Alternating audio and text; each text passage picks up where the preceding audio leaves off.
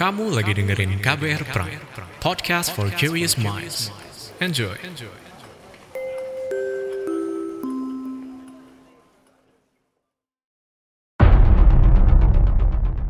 Ingat gak, kemarin Ines sama Don debat soal bahaya mengganti rokok ke vape. Padahal kan harusnya berhenti ya, bukan malah berganti haluan. Nah, kayaknya nih, Ines sudah mulai sadar bahayanya rokok.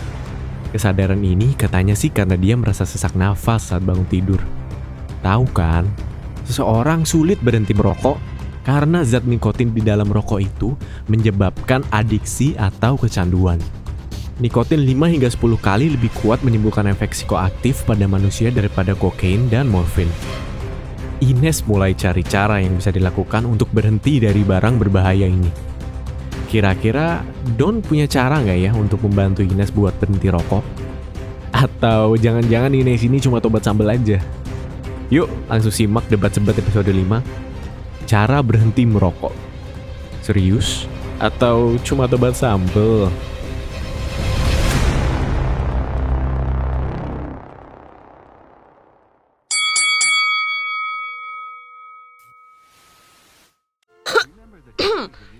Nah, nah, nah, nah, nah, nah, nah, nah, nah, dah mulai kan muncul penyakit? Sotoy lu ah. Bukan, bukan. Gue bukannya sotoy, tapi ini beneran. Lu harus berhenti merokok, Nes. Serius deh. Lo nggak lihat? Gue juga udah berhenti nih. Cerewet deh.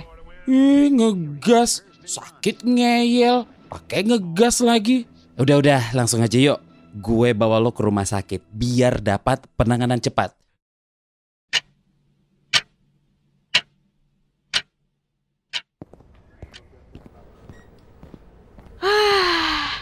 Lega banget rasanya. Thanks ya Don udah bawa gue ke rumah sakit buat penanganan pertama. Nes, gue ingetin lagi nih ya. Seseorang nih ya sulit berhenti ngerokok itu karena zat nikotin di dalam rokok menyebabkan adiksi atau kecanduan. Nikotin 5 hingga 10 kali itu lebih kuat menimbulkan efek psikoaktif pada manusia daripada kokain dan morfin. Ada beberapa cara atau metode sih untuk berhenti ngerokok yaitu salah satunya dengan menggunakan metode SEFT atau Spiritual Emotional Freedom Technique. Nah, ini teknik pengembangan diri yang menggabungkan 14 macam teknik terapi termasuk kekuatan spiritual untuk mengatasi berbagai macam masalah fisik, emosi, pikiran, sikap motivasi, dan perilaku secara cepat dan mudah. Nah, SEFT merupakan gabungan antara spiritualitas atau doa, keikhlasan, dan kepasrahan dan energi psikologi. Tidak ada unsur supranatural atau klinik. Nah, di Indonesia ada loh klinik yang menggunakan teknik ini. Serius ada? Iya ada. Nah terapisnya adalah Pak Fuad Baraja. Kayaknya tahu sih siapa beliau. Artis film Jin dan Jun bukan sih? Iya bener banget Jin dan Jun yang fenomenal itu loh Itu tahu Gue ajak aja kali ya ketemu langsung sama si Pak Fuad Gimana? Halo Pak Fuad apa kabar? Fine, thank you. Wes gile. Pak Fuad nih, aku mau kenalin adik saya nih Ines. Katanya Ines mau ngobrol langsung soal EFT atau SEFT. Tolong dong Pak Fuad dijelasin nih soal terapi penyembuhan ketergantungan rokok ini. Seperti apa sih Pak Fuad? Oke, jadi gini. Pertama harus dipahami dulu ya. Yang dia harus pahami adalah orang merokok itu karena kecanduan. Siapa pun di dunia ini yang rokok karena kecanduan, tidak ada sebab lain. Kalau sebab awalnya bisa karena gagah-gagahan, korban iklan dan macam-macam lah, pergaulan dan sebagainya ya. Tapi ujung-ujungnya dia kecanduan. Setelah dia kecanduan, dia perlu uh, upaya yang keras, yang kuat untuk bisa berhenti, untuk bisa melepaskan diri dari kecanduan itu ya. Karena candu nikotin itu yang tadi dikatakan nikotin itu ya, nikotin itu candunya kuat sekali. Kuat sekali. Jadi bahkan nikotin itu lebih kuat daripada jenis narkoba yang lain. Your info, nikotin itu sendiri sudah merupakan narkoba. Ya, karena kalau kita bicara narkoba, narnya itu narkotika, ko-nya psikotropika, banyak itu bahan adiktif lainnya. Nah, yang termasuk bahan adiktif lainnya itu adalah nikotin dan alkohol. Ya, ada lagi yang lain-lain tapi nggak begitu populer ya. Nah, untuk keluar dari kecanduan atau bisa melepas dari kecanduan itu perlu upaya yang kuat dan keras sekali ya. Yang penting ada dua hal. Niat dan motivasi. Ini yang paling penting. Saya di klinik saya itu pertama orang yang uh, membuat appointment sama saya, selalu saya tanya dulu, Anda benar-benar punya keinginan untuk berhenti ngerokok?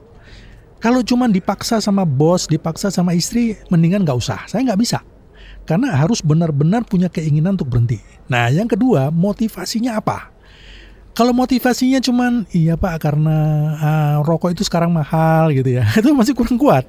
Bisa sih ditambah lagi ketika datang ke tempat saya kan nggak langsung di terapi. Jadi kalau bicara SAFE-nya sendiri atau SEFT tadi kita bilang SAFE saja supaya gampang. SAFE ini sebetulnya metode penyembuhan yang basic ilmunya itu sebetulnya akupuntur. Akupuntur ilmunya akupuntur. Cuman kalau kita belajar akupuntur murni yang dari Tiongkok itu titik yang harus dihafal ada 361 banyak kan? Susah gitu ya. Untuk apa namanya? Untuk mem mempelajarinya susah dan juga untuk mengaplikasinya juga lebih sulit. Tapi di SAFE ini sudah diteliti oleh ilmuwan-ilmuwan Amerika ya sudah diteliti sedemikian rupa sampai ternyata dari 361 titik itu itu bisa disederhanakan hanya menjadi 18 titik saja jadi lebih mudah dipelajari, lebih mudah diaplikasikan. Ya, kira-kira segini uh, cukup atau apanya lagi? Sisi apa lagi yang mau di? Wah, ternyata ini uh, butuh kemauan motivasi dari diri sendiri buat Betul. sembuh ya Pak ya. Itu modal utama. Nah, kalau sudah punya niat, motivasi ini punya niat, motivasi bisa dibangun ya. Datang ke tempat saya di semua pasien saya di klinik nggak langsung datang di terapi, nggak. Karena kalau datang langsung di terapi nggak ngefek nggak nggak maksimal lah. Nah jadi kita ngobrol dulu untuk membangun motivasi. Nah setelah itu dia lebih ya dia akan tunjukkan nih saat saat eh, saat memotivasi itu ditunjukkan efek-efeknya rokok, proses kecanduan, efeknya rokok itu bagaimana, orang kalau berhenti ngerokok bagaimana, kalau nggak berhenti nanti paru-parunya bagaimana, itu kita jelaskan semua secara visual. Nah nanti baru yang tumbuh motivasinya lebih kuat, baru diterapi dan itu biasanya jauh lebih efektif. Oh gitu. Nah terapi ini kan dikasih nama emotional freedom technique. Berarti ini terapi yang tidak menggunakan obat-obatan sama sekali ya? Tidak sama sekali. Tadi kan kalau saya bilang basicnya aku puntur kan nggak pakai obat ya. Jadi dia tidak menggunakan obat, tidak menggunakan apa-apa. Dia menggunakan titik titik-titik akupuntur ya. Jadi orang yang punya masalah, kalau anda tahu akupuntur, orang belajar akupuntur ya, orang berobat akupuntur maksud saya, dia karena dia punya masalah. Ada misalnya Pak dengkul saya sakit, nah di terapi akupuntur. Ada misalnya apanya yang sakit, pokoknya masalah fisik maupun psikis. Berarti kan dia punya masalah kan? Nah di titik-titik akupuntur itu semua ada penyelesaian untuk segala masalah hidup ini, maksudnya fisik maupun psikis ada solusinya. Nah cuman uh, belajarnya nggak harus segitu banyak titik yang harus dihafal, lebih mudah, lebih apa, simple untuk dihafal. Hmm, tapi tadi Pak Fuad uh, menarik ya pernyataan Pak Fuad yang bilang kalau ini kalau berhenti ngerokoknya jangan gara-gara rokok mahal, terus juga gara-gara disuruh istri atau disuruh saudara atau siapa. Sebelum kita ngobrol lebih panjang lagi, kenapa sih Pak Fuad nyemplung nih ke dunia penyembuhan ketergantungan rokok ini? Kira-kira seperti apa ceritanya Pak Fuad? Nah, mungkin Don belum tahu ya, sebelum saya aktif di masalah rokok, ah, masalahnya sebelum di terapi di masalah terapi ya, sebelum aktif di terapi itu saya sudah aktif di masalah rokok jauh. Jadi dari tahun 98 saya aktif di masalah rokok sudah 23 tahun. Dari awal tahun 98 itu sampai tahun 2008 itu 10 tahun itu saya nggak punya cara untuk menerap atau untuk membantu orang berhenti merokok. Satu hari saya diundang sama wali kota Bukit Tinggi di sana dibikinkan seminar di rumah dinas beliau itu ada aulanya gitu kita seminar nah singkat cerita ketika selesai seminar sesi tanya jawab nah di situ ada satu orang angkat tangan pak bapak itu jangan asal ngomong pak saya ini mau berhenti ngerokok gimana caranya kasih solusi dong Bapak cuma ngomong bahaya rokok bla bla bla tapi nggak ngasih solusi. Sekarang saya pengen berhenti ngerokok nih Pak, gimana caranya? Saya kayak digampar gitu kan Don. Gimana sih? Saya ngomong masalah rokok tapi saya nggak bisa bantu gitu. Jadi akhirnya ketika uh, di sini saya saya ngakuin bahwa saya nggak bisa bantu saat itu ya saya shock. Singkat cerita setelah kejadian itu saya cari, saya cari di waktu itu waktu itu belum ada Google segitu gampangnya atau apa sebelum saya ya belum belum populer lah ya. Tapi saya cari cari cari di waktu itu kita nyebutnya Yahoo Groups ya waktu zaman populernya Yahoo Groups Sampai ketemulah satu metode ini ya, oh, ada di teman-teman di Yahoo Groups itu ada yang ngasih tahu bahwa kami ini sekarang lagi belajar gini-gini singkat cerita. Saya langsung cari rumahnya orang itu. Di sana di Cinere sana saya cari ketemu di Bintaro ya. Di Bintaro saya cari ketemu saya ngobrol sama dia. Singkat cerita saya dia suggest saya untuk melihat proses ketika mereka ada bakti sosial. Saya datang ke acara bakti sosial. Orang dilakukan terapi saya cuma ngelihat aja saya cuma ngelihat saya ngelihat di orang diterapi diterapi ditotok-totok begitu. Tiba-tiba mual sampai muntah. Uh kaget saya. Uh, pokoknya singkat cerita, saya uh, apa namanya cari ininya uh, kontaknya, terus bulan depannya saya sudah ikut pelatihan. Karena itu ada pelatihannya. Udah ratusan angkatan, jadi sekarang ini udah banyak safter nyebutnya kalau kalau itu dokter ya, kan kita nyebutnya safter. Safter adalah orang yang melakukan terapi penyembuhan safety ini nyebutnya safter. Nah, saya seorang safter. Saya angkatan 48 tahun 2009 ya sekarang udah dua 300 angkatan lebih. Nah, singkat cerita karena saya udah ikut pelatihannya dan saya udah bisa melakukan terapinya secara benar ya secara benar. Yang penting itu benar kan kalau nggak benar nggak bisa pas gitu ya.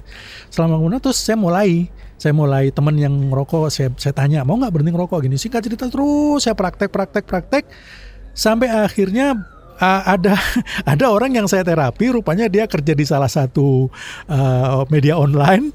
Dia sembuh dari rokok dia tulis itu di media online waktu itu paling top gitu ya akhirnya orang pada nelpon saya ngubungin pakai SMS pakai ini heboh seharian itu singkat cerita ini saya buka praktek di rumah ya jadi kalau ditanya kamu bilang kenapa saya nyemplung ke situ karena nggak ada yang mau nyemplung ke situ dunia penanggulangan rokok, smoking control itu, ya kita bicara smoking controlnya bukan terapinya yeah. dulu ya.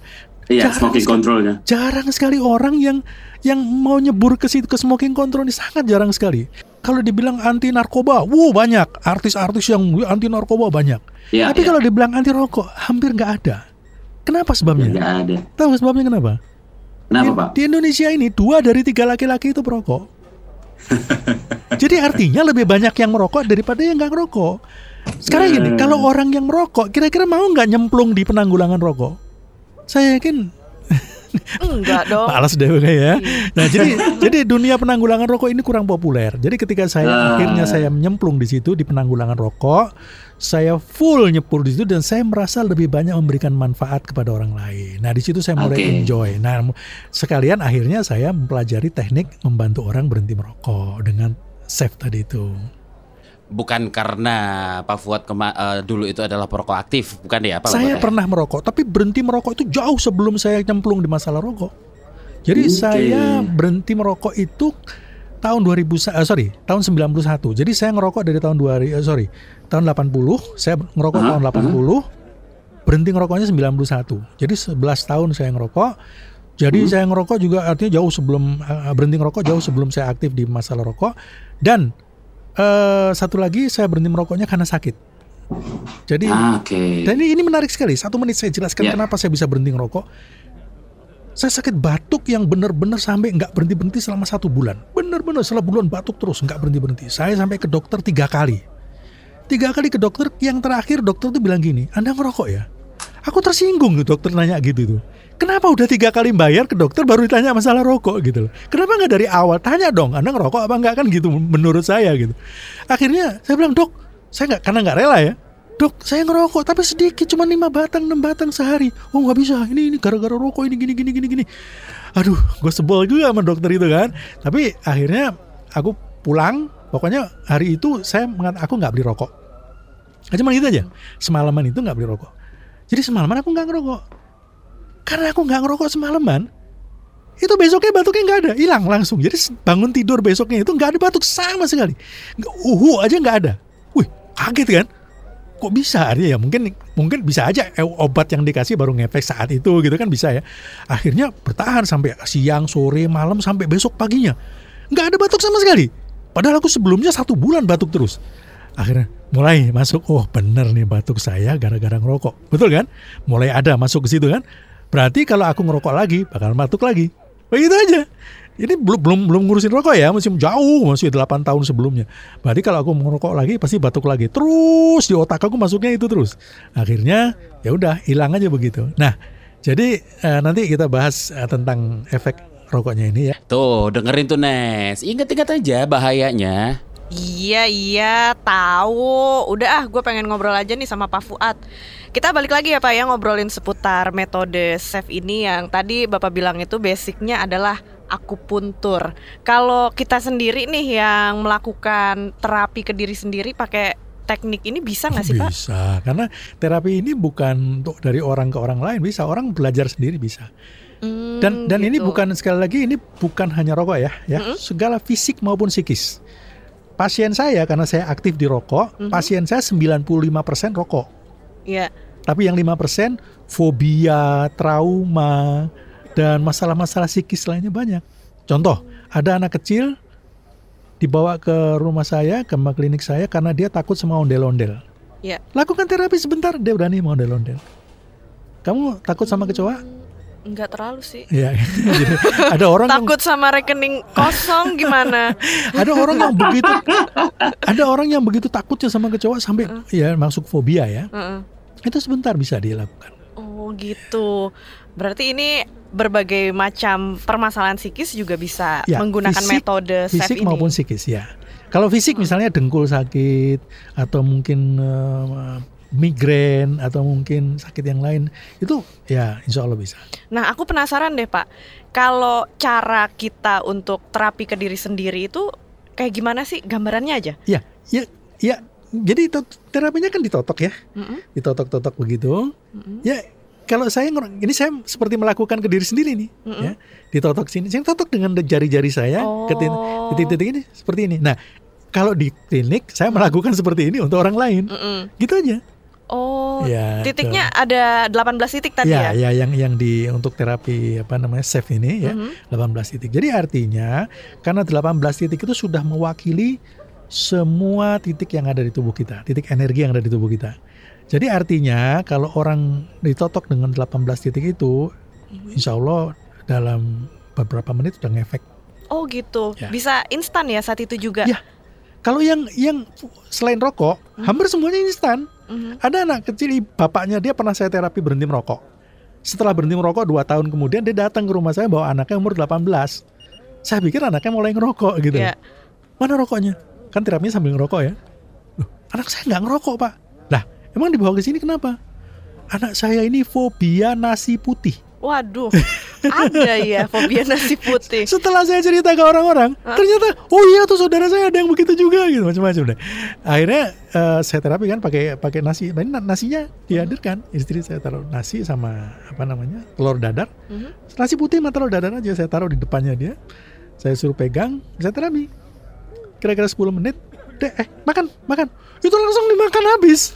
Oh, tadinya sama sekali nggak mau makan nasi putih. mau, makanya dibawa sama Iya. ibunya dari kecil nggak mau makan nasi putih gitu. Iya. Jadi ibunya nangis-nangis ya Allah pak, kalau tahu begini mah dari dulu saya bawa ke sini anak saya. Termasuk misalnya, ini suka duren, duren? Suka. Oh gitu, ya nggak usah deh kalau gitu.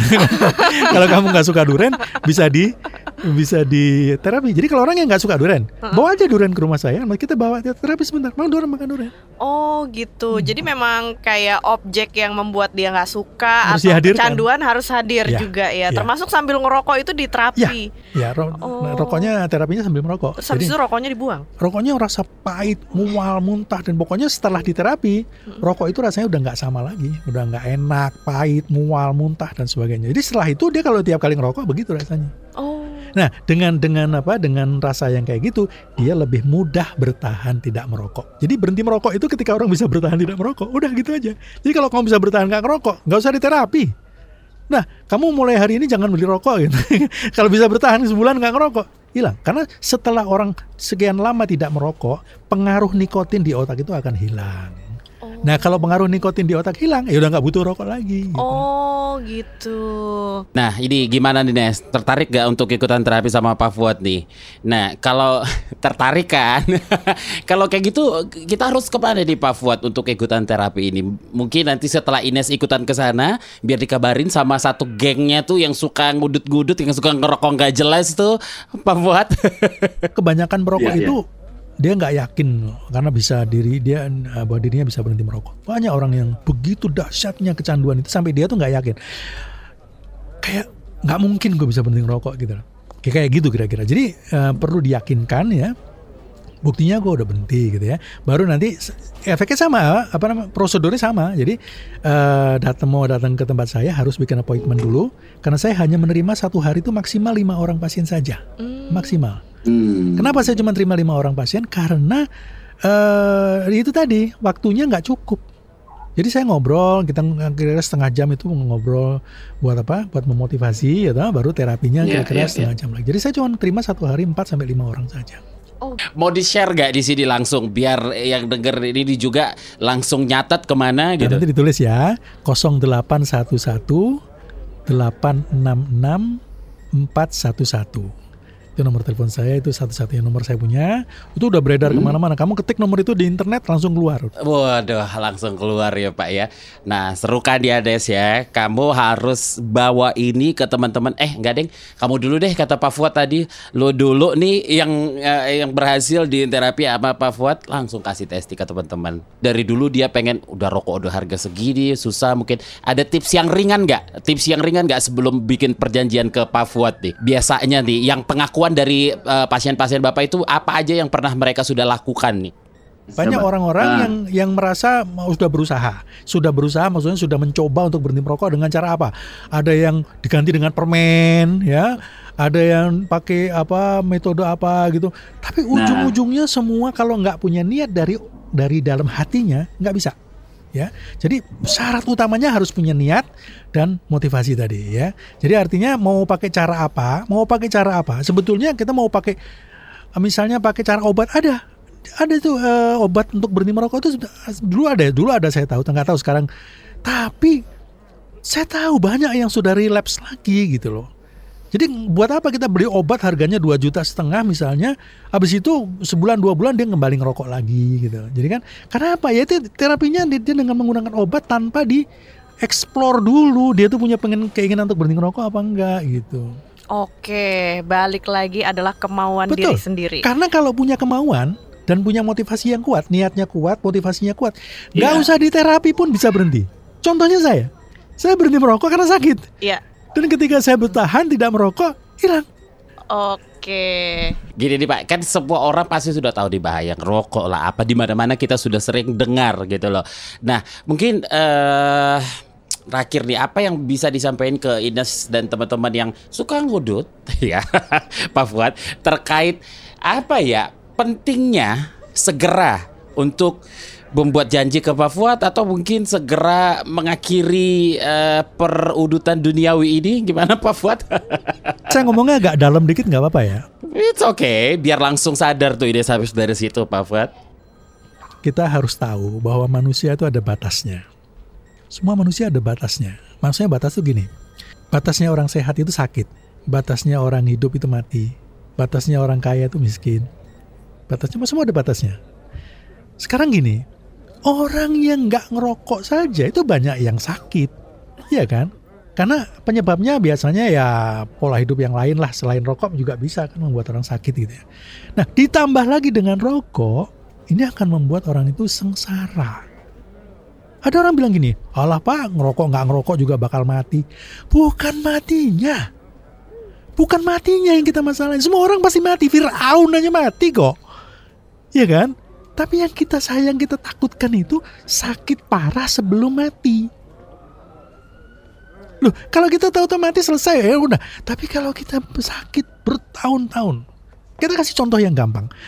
Ada orang dikasih umur sama Tuhan misalnya 70 tahun. Oke, orang ini umurnya akan sampai 70 tahun misalnya. Kita kan nggak tahu ya, tapi yang penting kita kasih contoh aja. Karena dia banyak ngerokok dan banyak melakukan apa ya pola hidup yang tidak sehat, umur 40 tahun stroke. Mhm. Dia nggak akan mati sampai umur 70. Karena catatan hidupnya, dia catatan umurnya sampai 70. Artinya dia akan hidup dengan stroke itu dari umur 40 sampai 70. Apa ini nggak menyengsarakan yang lain? Iya kan? Yang tadinya dia bisa cari duit nggak bisa cari duit, akhirnya istrinya harus banting tulang hidupin keluarganya, gitu. Banyak banyak itu yang kayak gitu itu banyak sekali, ya. Jadi eh mungkin perlu saya kasih contoh lah nanti kalau misalnya nyambung nyambung gitu ya. Saya pernah diundang salah satu seminar di Pulau Seribu sana. Di Pulau Seribu itu ada pokoknya saya diundang ke sana jadi pembicara waktu itu kalau nggak salah yang ngadain YLKI. Nah, orang seminar itu oh, bapak-bapak yang perokok-perokok kelihatannya perokok-perokok itu mereka pada kayaknya ah kayak nggak nggak minat gitu ya kayaknya nyepelein banget gitu loh. Itu ya saya tapi saya karena saya sebagai pembicara ya saya terusin aja kan. Ada ternyata ada satu ibu-ibu yang dia itu saya nggak tahu tadinya siapa dia itu tapi dia kayaknya ngeliat ke sana kemarin oh, kayaknya dia ke keram gitu loh. Begitu saya selesai dan ibu itu langsung berdiri dia bilang hei kalian sombong ya karena kamu masih sehat. Kamu nggak nggak mikir. Coba kalau udah kayak suami saya. Ya waktu itu saya nggak tahu suaminya dia siapa kan. Jadi kau udah kayak suami saya mau bilang apa kamu? Jadi ternyata ibu itu seorang guru. Dan suaminya invalid karena jantungnya udah parah gara-gara rokok. Jadi akhirnya apa? Suaminya di rumah aja nggak bisa ngapa-ngapain dan dia mem, dia menggantikan posisi suaminya dan menjadi posisi istri juga gitu. Jadi berperan ganda. Dan itu itu dia kayak geram sekali sama orang-orang yang nyepelein gitu tadi ya. Lu sekarang lu masih sehat tuh bisa sombong kalau nanti kalau kamu udah kayak suami saya gimana gitu jadi jadi artinya uh, ada semacam apa ya uh, uh, ya motivasi juga jadinya kan orang itu bisa kalau dia sudah jadi invalid karena jantungnya atau mungkin karena stroke dan sebagainya mau apa ya kan jadi artinya kalau sudah di rokok itu dikatakan rokok itu membuat atau diyakini atau dibuk terbukti menyebabkan kanker serangan jantung dan sebagainya. Bo ya taat. Nes. Ya. Harus taat pada kenyataan. Siap, Pak Fuad. Nih dengerin dulu, taat pada kenyataan. Apa uh, jalan hidup yang baik itu adalah taat pada kenyataan. Kenyataannya hmm. bahwa rokok itu menyebabkan sakit. Itu sudah dibuktikan dengan 70 ribu lebih literatur ilmiah yang membuktikan bahwa rokok itu berkaitan dengan sedikitnya 26 jenis penyakit. Loh, kalau kita hmm. nggak percaya sama ilmuwan-ilmuwan peneliti itu mau percaya sama siapa? Ntar ada orang bilang gini, bapak saya rokok tapi sampai umur 103 umurnya. Oh nenek kakek saya dia bilang, kakek saya ini saya, saya, saya waktu seminar di Serang di Kabupaten Serang, bupatinya ada di situ. kakek saya merokok berat, meninggal umur 103. Bapak saya juga perokok meninggal umur 78. Bapak saya nggak saya nggak setuju dengan bapak. Saya bilang gampang. Sekarang gini, maaf ya baik tiba-tiba gue dapet ilham gitu. Karena ini pertanyaan kayak gini nih buat gue apa ya? Uh, sat, apa ya sarkastik banget gitu loh. Saya bilang mas, anda umur berapa sekarang? 46 dia bilang. Oke, okay, kakekmu meninggal umur 103 perokok berat. Bapakmu juga perokok meninggal umur 78. Artinya dari kakek ke bapakmu saja harapan hidupnya udah turun 25 tahun. Apa yang bikin Anda yakin bahwa Anda akan seumur bapakmu? Apalagi kakekmu. Ya. ya kan? Dia 46. Apa dia yakin bahwa dia akan dengan dengan pola merokok yang yang begitu parah gitu ya. Jadi dari bapak, dari kakek ke bapak aja udah turun 25 tahun. Ya kan? Mungkin kakeknya bisa bertahan sampai 103 karena orang-orang dulu zaman dulu itu hidupnya sehat ya bukan masalah ngerokok dia nggak ngerokok tapi mereka itu dulu ke mana-mana naik sepeda atau jalan kaki dulu belum ada yang uh, makanan-makanan sampah itu junk food itu belum ada ya kan dan dulu zaman-zaman tahun 2000 uh, maaf tahun 1930 1935 itu kan alamnya masih bersih polusi hampir nggak ada gitu loh. Jadi mereka hidup orang-orang yang umurnya sekarang ini umur 100 tahun, 90 tahun itu, mereka pola hidup awalnya itu bagus sehingga dia bisa bertahan lebih lama hidupnya gitu loh. Nah jadi nggak usah deh, nggak usah di, nggak usah terlalu dipikirin yang ngomong kayak gitu tuh. Bapak saya udah ada orang yang ngerokok sampai umur 125 tahun, biarin. Itu hanya berapa? Ada berapa orang? Mau nyebut 2, 5, 10, 100, 200, ribu? Oke? Okay? Seribu? Orang yang meninggal karena penyakit akibat rokok itu setiap tahun 240 ribu orang. Lah, sekarang ini data, bukan saya ngomong ini bukan data di Kemenkes yang meninggal tobacco related disease. Jadi penyakit yang berkaitan dengan rokok itu ada 200. Jadi orang meninggal karena penyakit-penyakit yang berkaitan dengan rokok itu 240 ribu orang per tahun. Mau percaya sama siapa? Sama sama yang bilang bapak saya hidup sampai 103 tahun. Data ya. Oke, tapi sepertinya uh, udah cukup jelas nih Pak. Kita nggak harus nggak nggak harus ngebahas seperti apa bayar rokok lagi. Semua orang sudah bisa mengaksesnya di mana-mana dengan gampang mereka mencari gitulah. Tapi yang eh, satu hal yang pasti kita tunggu gebrakan barunya dari Pak Fuad lagi. Semoga eh, semakin banyak orang yang ikut tertarik untuk ikutan terapi safe.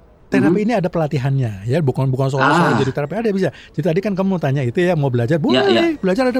Jadi kalau kamu misalnya eh klik di di Google gitu ya, pel- jadwal pelatihan terapi safe. Nah itu sudah ada. Itu itu tiap bulan dia berkala, tiap bulan ada pelatihannya. Jadi kalau misalnya eh, mau ikut pelatihannya misalnya ya, tertarik nggak sih kalau bisa bisa bantu orang berhenti ngerokok, bisa bantu orang dari masalah-masalah kayak gitu. Tertarik dong. Nah, jadi kalau misalnya mau ikut pelatihan tinggal ketik aja di Google eh, jadwal pelatihan terapi safe bulan ini atau gimana gitu. Itu Oke, berarti langsung ya abis ini kita Google Mhm. jadwal pelatihan terapi safe. Thank you banget nih Pak Fuad yang Oke. sudah membuka pikiran dan hati para perokok ya. Thank you banget udah ngobrol-ngobrol bareng sama kita di podcast ini nih Pak. Sekali lagi terima kasih Pak Fuad atas waktunya. Sukses terus, sehat terus Pak Fuad ya. Ditunggu ya Pak. Film Jin dan Jun Reborn. Eh, No. Jinnya udah pulang ke Irak, udah nggak mungkin lagi dipanggil.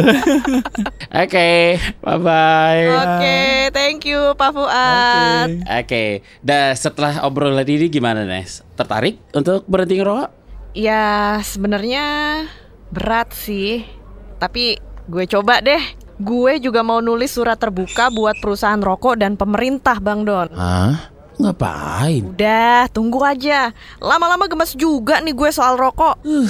Lega. Akhirnya sadar.